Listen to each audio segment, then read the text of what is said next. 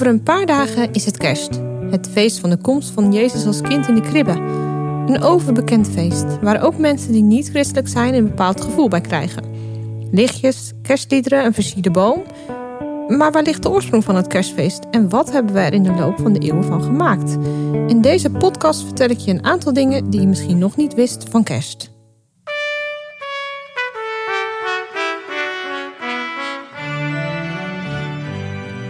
Ik zei het net al, kerst is voor christenen het feest van de geboorte van de Heer Jezus in de stal van Bethlehem.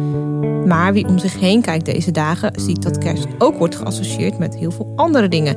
Lichtjes, kerstbomen, kerststollen, kerststallen, kerstzang en kerstcadeaus. Hoe zit dat? Zijn dat allemaal onchristelijke elementen die er gaandeweg ingeslopen zijn? Of ligt het misschien genuanceerder? Ik praat erover met Herman Selderhuis, theoloog en hoogleraar kerkgeschiedenis en kerkrecht aan de Theologische Universiteit Apeldoorn. Nou, welkom eh, meneer Selderhuis. We gaan een aantal feiten rond kerst onderzoeken samen, die misschien bij de luisteraar wat minder bekend zijn. Ja. En u heeft zich voor deze podcast misschien ook een beetje verdiept, hoewel u al denk best wel heel goed op de hoogte was van uh, wat kerst inhoudt en dergelijke. Was er nou nog iets dat u nog niet wist rond kerst, maar nu wel? Uh, ik wist niet dat het gebruik van groen en van kerstboom um, al zo oud was. Oké. Okay. Er wordt vaak gezegd, uh, het is 18e en 19e eeuw opgekomen. Maar uh, in, de, in de kerk wordt het al gebruikt, of zijn er al gegevens over eind 15e eeuw van het gebruik van groen, van takken in de kerk rond het kerstfeest. Dus dat, dat wist ik niet, dat het zo oud was. Nee, precies. Dat is toch ja. weer een nieuw feitje dat u ja, dan opgedaan heeft. Ja. Hey, want als we even kijken naar de oorsprong hè, van het kerstfeest, zoals we, dat, nu eigenlijk vieren. Uh, hoe is dat ooit tot stand gekomen? Hoe is dat ooit ontstaan? In Egypte werd het uh, feest van de zonnewende gevierd. Dus de kortste dag is dan voorbij. En nu wint het licht het van de duisternis. Dat is eigenlijk de boodschap van het uh, feest. En um, dat feest dat verspreidde zich ook in die, die Romeinse wereld. En rond 500 voor de geboorte van Christus bepaalden de Romeinen dat het feest gevierd werd niet op 21 december, maar op 25 december. Oké. Okay. Het was een um, groot feest, werd uitbundig gevierd. Um, onder de bevolking, uh, iedereen blij dat de lange dagen, of de lange nachten en de korte dagen voorbij zijn. De kerk protesteerde uh, daartegen hè, met de komst van het christendom. Dus we zijn we al een eeuw of vijf, zes verder. Probeerde de kerk de mensen van dat heidense feest waarin de zonnegod aanbeden werd, af te helpen. Ja. En dat lukte niet zo geweldig. Het is, uh, het is lastig om uh, mensen van heidense dingen te bevrijden. En de oplossing die de kerk uh, vond was, nou dan plakken we gewoon het feest van het licht der wereld, van de geboorte van Christus, op dit feest van de zonnewende. Ja. Dus dat wordt er eigenlijk overheen gezet. En ja, daardoor krijg je dat, um, een, een, dat feestelijke karakter en een deel van de zogenaamd heidense gebruiken, die blijven dan bestaan. Want het volk wil, wil graag feest vieren. Maar dat, dat is eigenlijk de oorsprong van het uh, kerstfeest zoals wij dat vieren in de wereld. Ja. Dus eigenlijk, de, wat er werd gezegd wordt, het valt eigenlijk, het de vervanging van het uh, zondewendefeest. Dat klopt ja. dus inderdaad. Dat klopt, ja. ja, ja dat, dat, dat feit, ja. Kijk, want de geboorte van de heer Jezus, die, die kan, kan niet in december geweest zijn. Nee. Had wel gekund, maar niet volgens de uh, wijze waarop het in de Bijbel beschreven werd. He, er, er vindt een inschrijving plaats. Um, en dat betekent, de mensen moesten naar hun geboortestad terug. Dat geldt ook voor Jozef en Maria. En dat zouden ze echt niet doen in december. Want dan is het wintertijd ook in het, uh, in het Midden-Oosten. Dus dat is geen geschikte tijd. Een tijd die wel geschikt is, is de tijd van september, oktober. Nee, dan is de oogst voorbij, dus hebben de mensen uh, uh, meer tijd om zo'n reis te maken. Ja. Dus daarom is de geboorte van Christus waarschijnlijk in september geweest. Ja, precies. Er is nog in de, in de schriften dat de herders die, uh, die waren in het veld. nou, die zullen ook overdag wel in het veld gaan, maar die, die gaan niet s'nachts in, in het veld liggen. Ook in, in, in Israël niet in december. Nee, dan is het ook gewoon koud s'nachts. Ja. Ja, ja want um, zijn er, als we nog even kijken hè, naar dat midwinterfeest, die zonnewende, uh, zijn er eigenlijk overeenkomsten tussen dat feest en hoe nu kerst wordt gevierd? Oh ja, ik, ik, ik denk dat het ook voor de hand ligt. Ja. Dat, uh, dat de kerk zegt, uh, laat het daar maar opplakken, want dat past het beste. En in beide gevallen gaat het om het feest van het licht. Het gaat in beide gevallen om de duisternis verliest het van het licht. Het gaat in beide gevallen om iets feestelijks. Ja. Dus die, die overeenkomsten zijn heel nadrukkelijk aanwezig. Ja, en je ziet natuurlijk rond kerst nu ook heel veel lichtjes buiten en zo. Dus dat idee van ja, ja, verdrijven, ja, ja, ja heel zit er ook gewoon in. Ja. Ehm, u zei net al even, het is niet aannemelijk dat de Jezus in de winter, uh, in december geboren is, eerder september. Um, maar ja, hoe komt het dan dat we toch zo'n ja, romantisch beeld, zou ik zou kunnen zeggen, vind ik zelf altijd. Als je om je heen kijkt, krijg ik altijd heel ja, romantisch idee bij. Kerst, witte kerst, uh, uh, lampjes, uh, kerstliederen zingen. Hoe komt het dat we zo'n romantisch beeld ervan hebben gecreëerd dan? En is dat ook al zo oud als, als de viering van kerst, zoals we het nu kennen?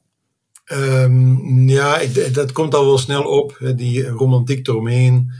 En de, de setting is ook, hè, zoals de schrift erover schrijft eh, ik wil niet zeggen dat het romantisch is, maar er hangt een bepaalde sfeer. Hè? Een, een, een stal, kribben. En ook al zal het waarschijnlijk een groot, een zijn geweest en een holte ergens in een berg. Ja?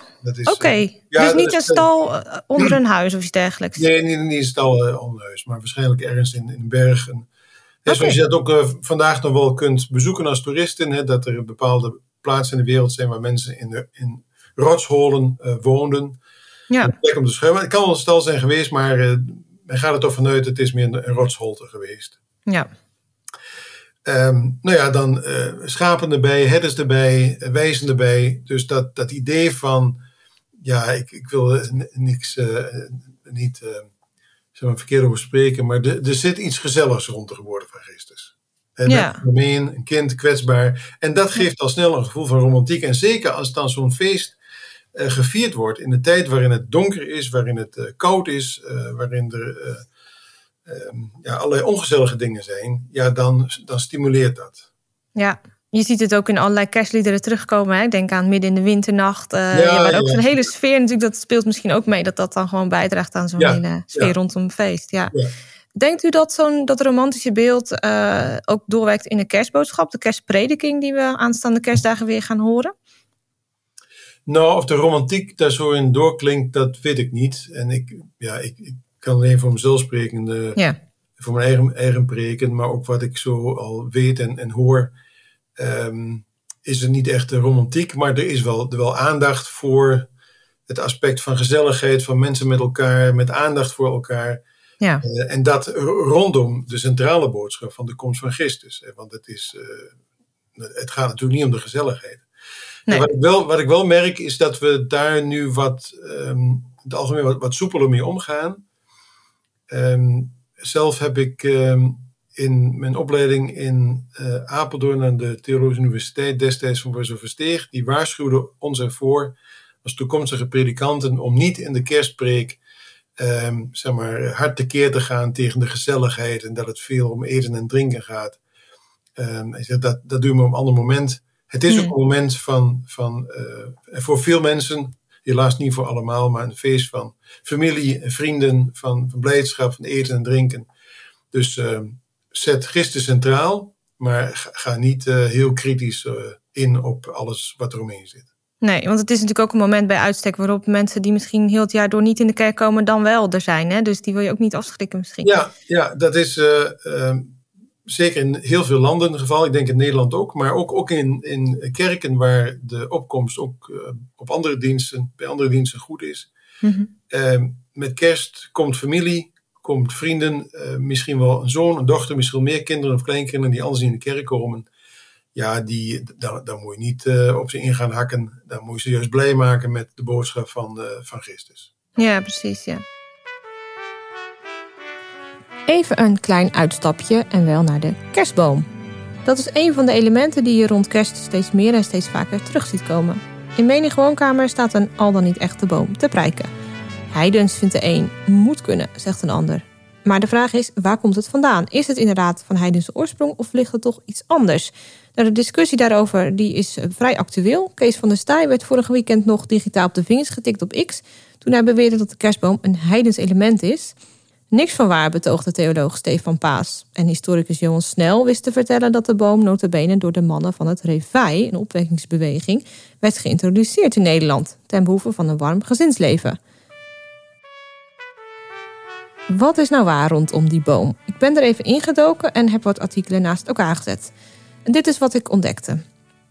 Volgens een artikel op Historiek, dat is een website met veel historisch verantwoorde uh, informatie, speelden dennenbomen bij de Germanen en bij de Romeinen al een belangrijke rol. Ze dichten de boom goddelijkheid toe, omdat deze in de winter groen bleef.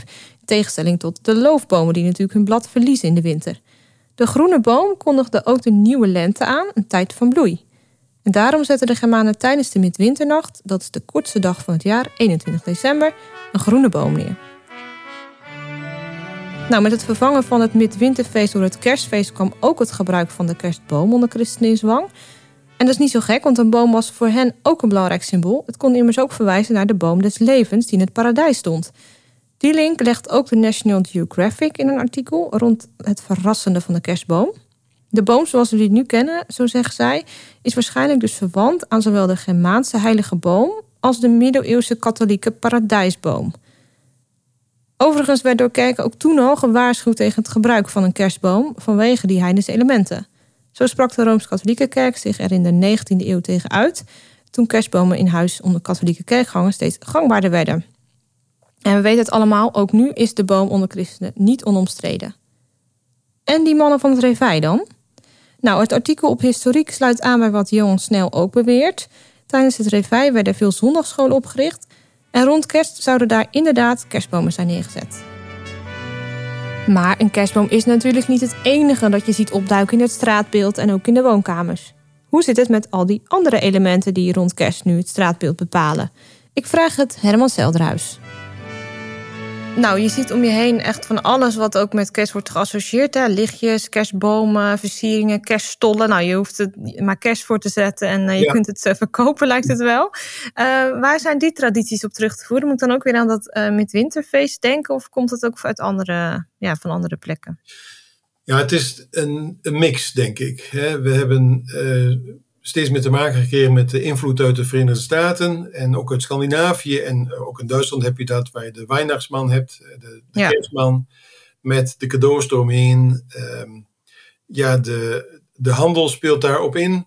dus je hebt de uh, kerststollen, uh, dat is een erfenis van uh, dat met kerst iets extra's gedaan wordt. Je eet iets, iets lekkerders en, en dat is zo'n zo kerststol.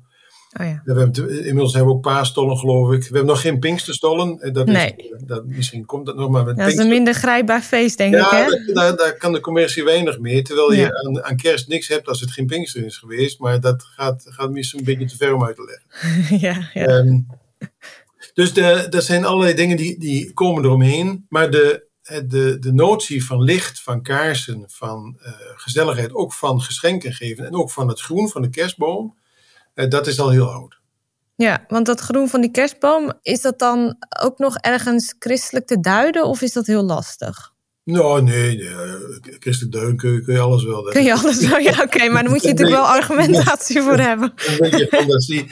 Ja, kijk, je, je hebt in de, uh, dat zie je al in Asterix en Obelix, de, uh, de laurier, hè, de, het laurierblad, dat groene blad, de krans voor de winnaar. Ja. Dat, dat, groene, die laurierkrans, dat is uh, een teken van uh, eeuwigheid. Hè, want dat groen, dat blijft.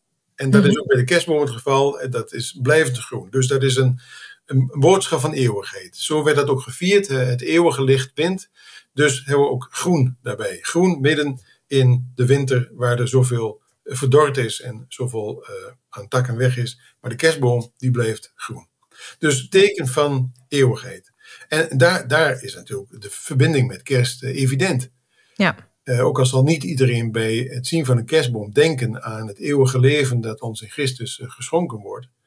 Maar ehm, die verbinding is wel te maken. En dat zou misschien ook um, voor christenen wat, wat gemakkelijker maken om met dat groen, hè, wat we steeds meer zien, en ook met, met de kerstboom om te gaan.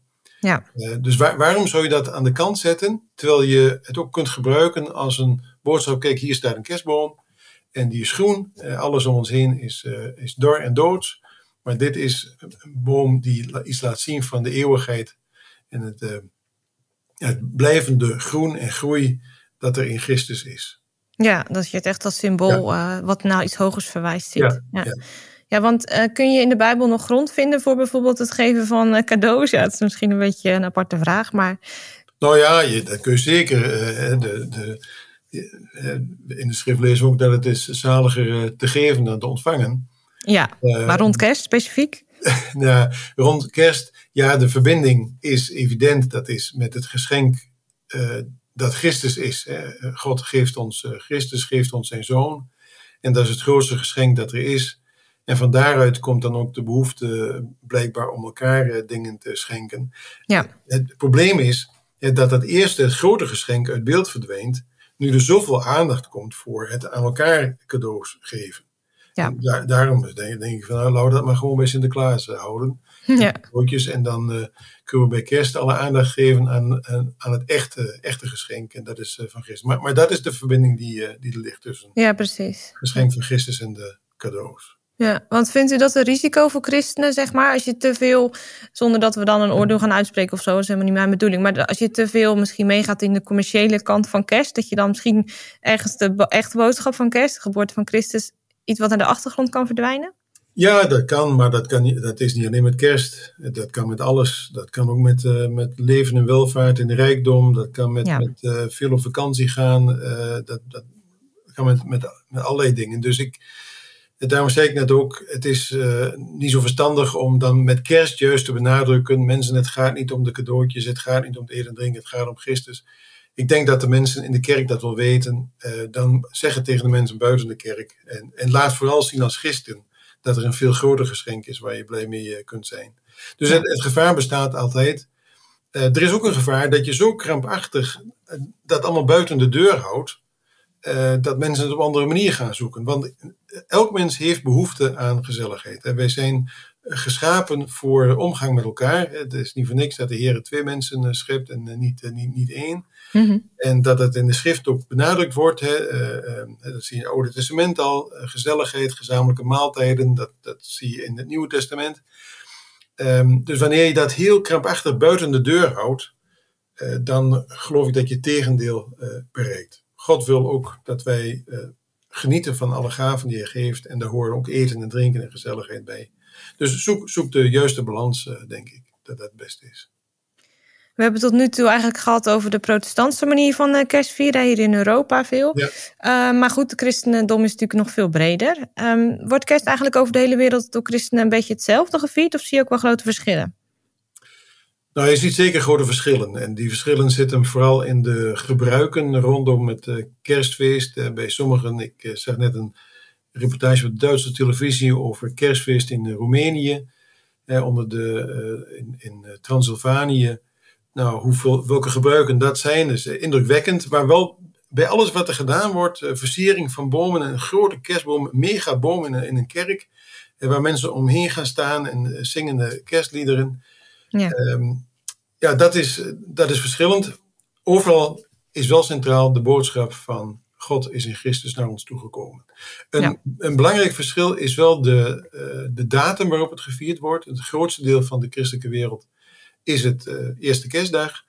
Um, uh, en de avond daarvoor, hè, in, Duitsland bijvoorbeeld Heilige Abend, en dat is in, in, in, Amerikaanse wereld ook zo in veel andere landen. Dus de kerstavond is eigenlijk het grote feest. Zie je ook in de Rooms-Katholieke Kerk. Op de kerstavond wordt de dienst, de mis van de paus uh, laat uitgezonden.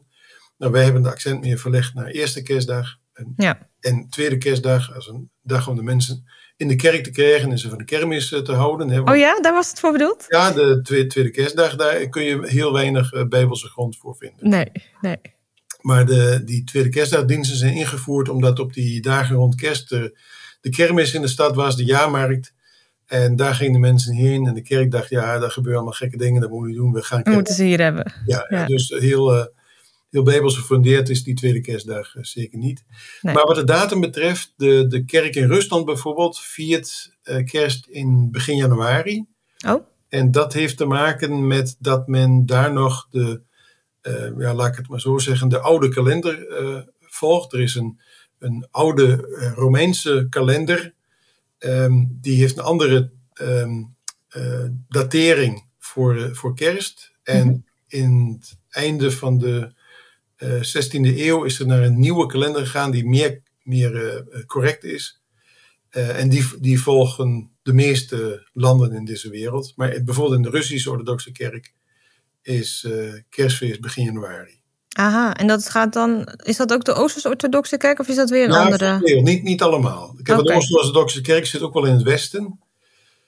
Um, ik, precies welke landen dat allemaal zijn, weet ik niet. Maar het is niet zo dat elke Grieks uh, of, of Russisch or, uh, orthodoxe kerk, dus al die kerken van de orthodoxie, dat die uh, kerst 4 januari, dat hangt nog af van in welk land die kerk staat.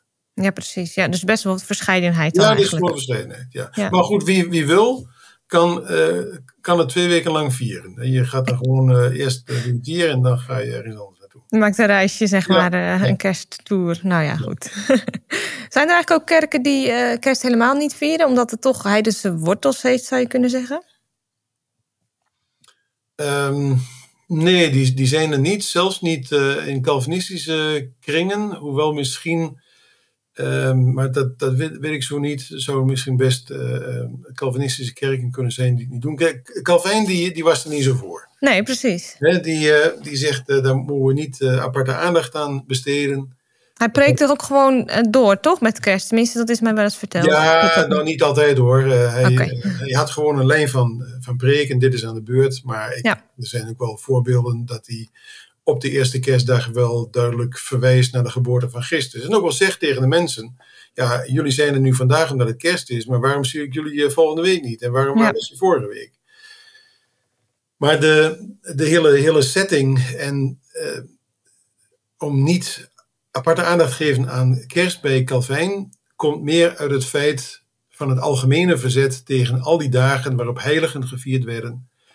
En uh, het sociale aspect daarvan is dat het ook dagen waren waarop er door mensen vaak meer gedronken werd dan goed was, met alle mm. gevolgen van dien.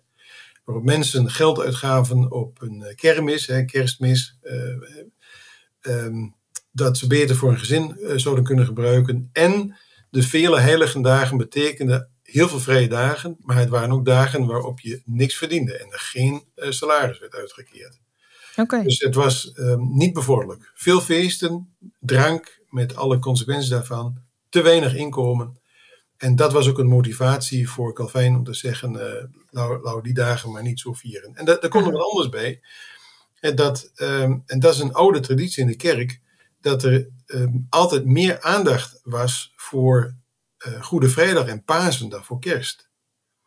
En wat dat betreft zou deze de bezinning die we hebben, en, en, eh, waar we het nu ook over hebben, goede aanleiding kunnen zijn om in plaats van te ageren tegen alle gebruiken rondom kerst, te zeggen, nou, laten we dan meer aandacht geven aan Goede Vrijdag en Pasen. En ik, ja. ik, zie ook dat dat wel meer gebeurt in de kerk. je hebt uh, veel kerken waar in de week voor Goede Vrijdag vesperdiensten zijn. Ja.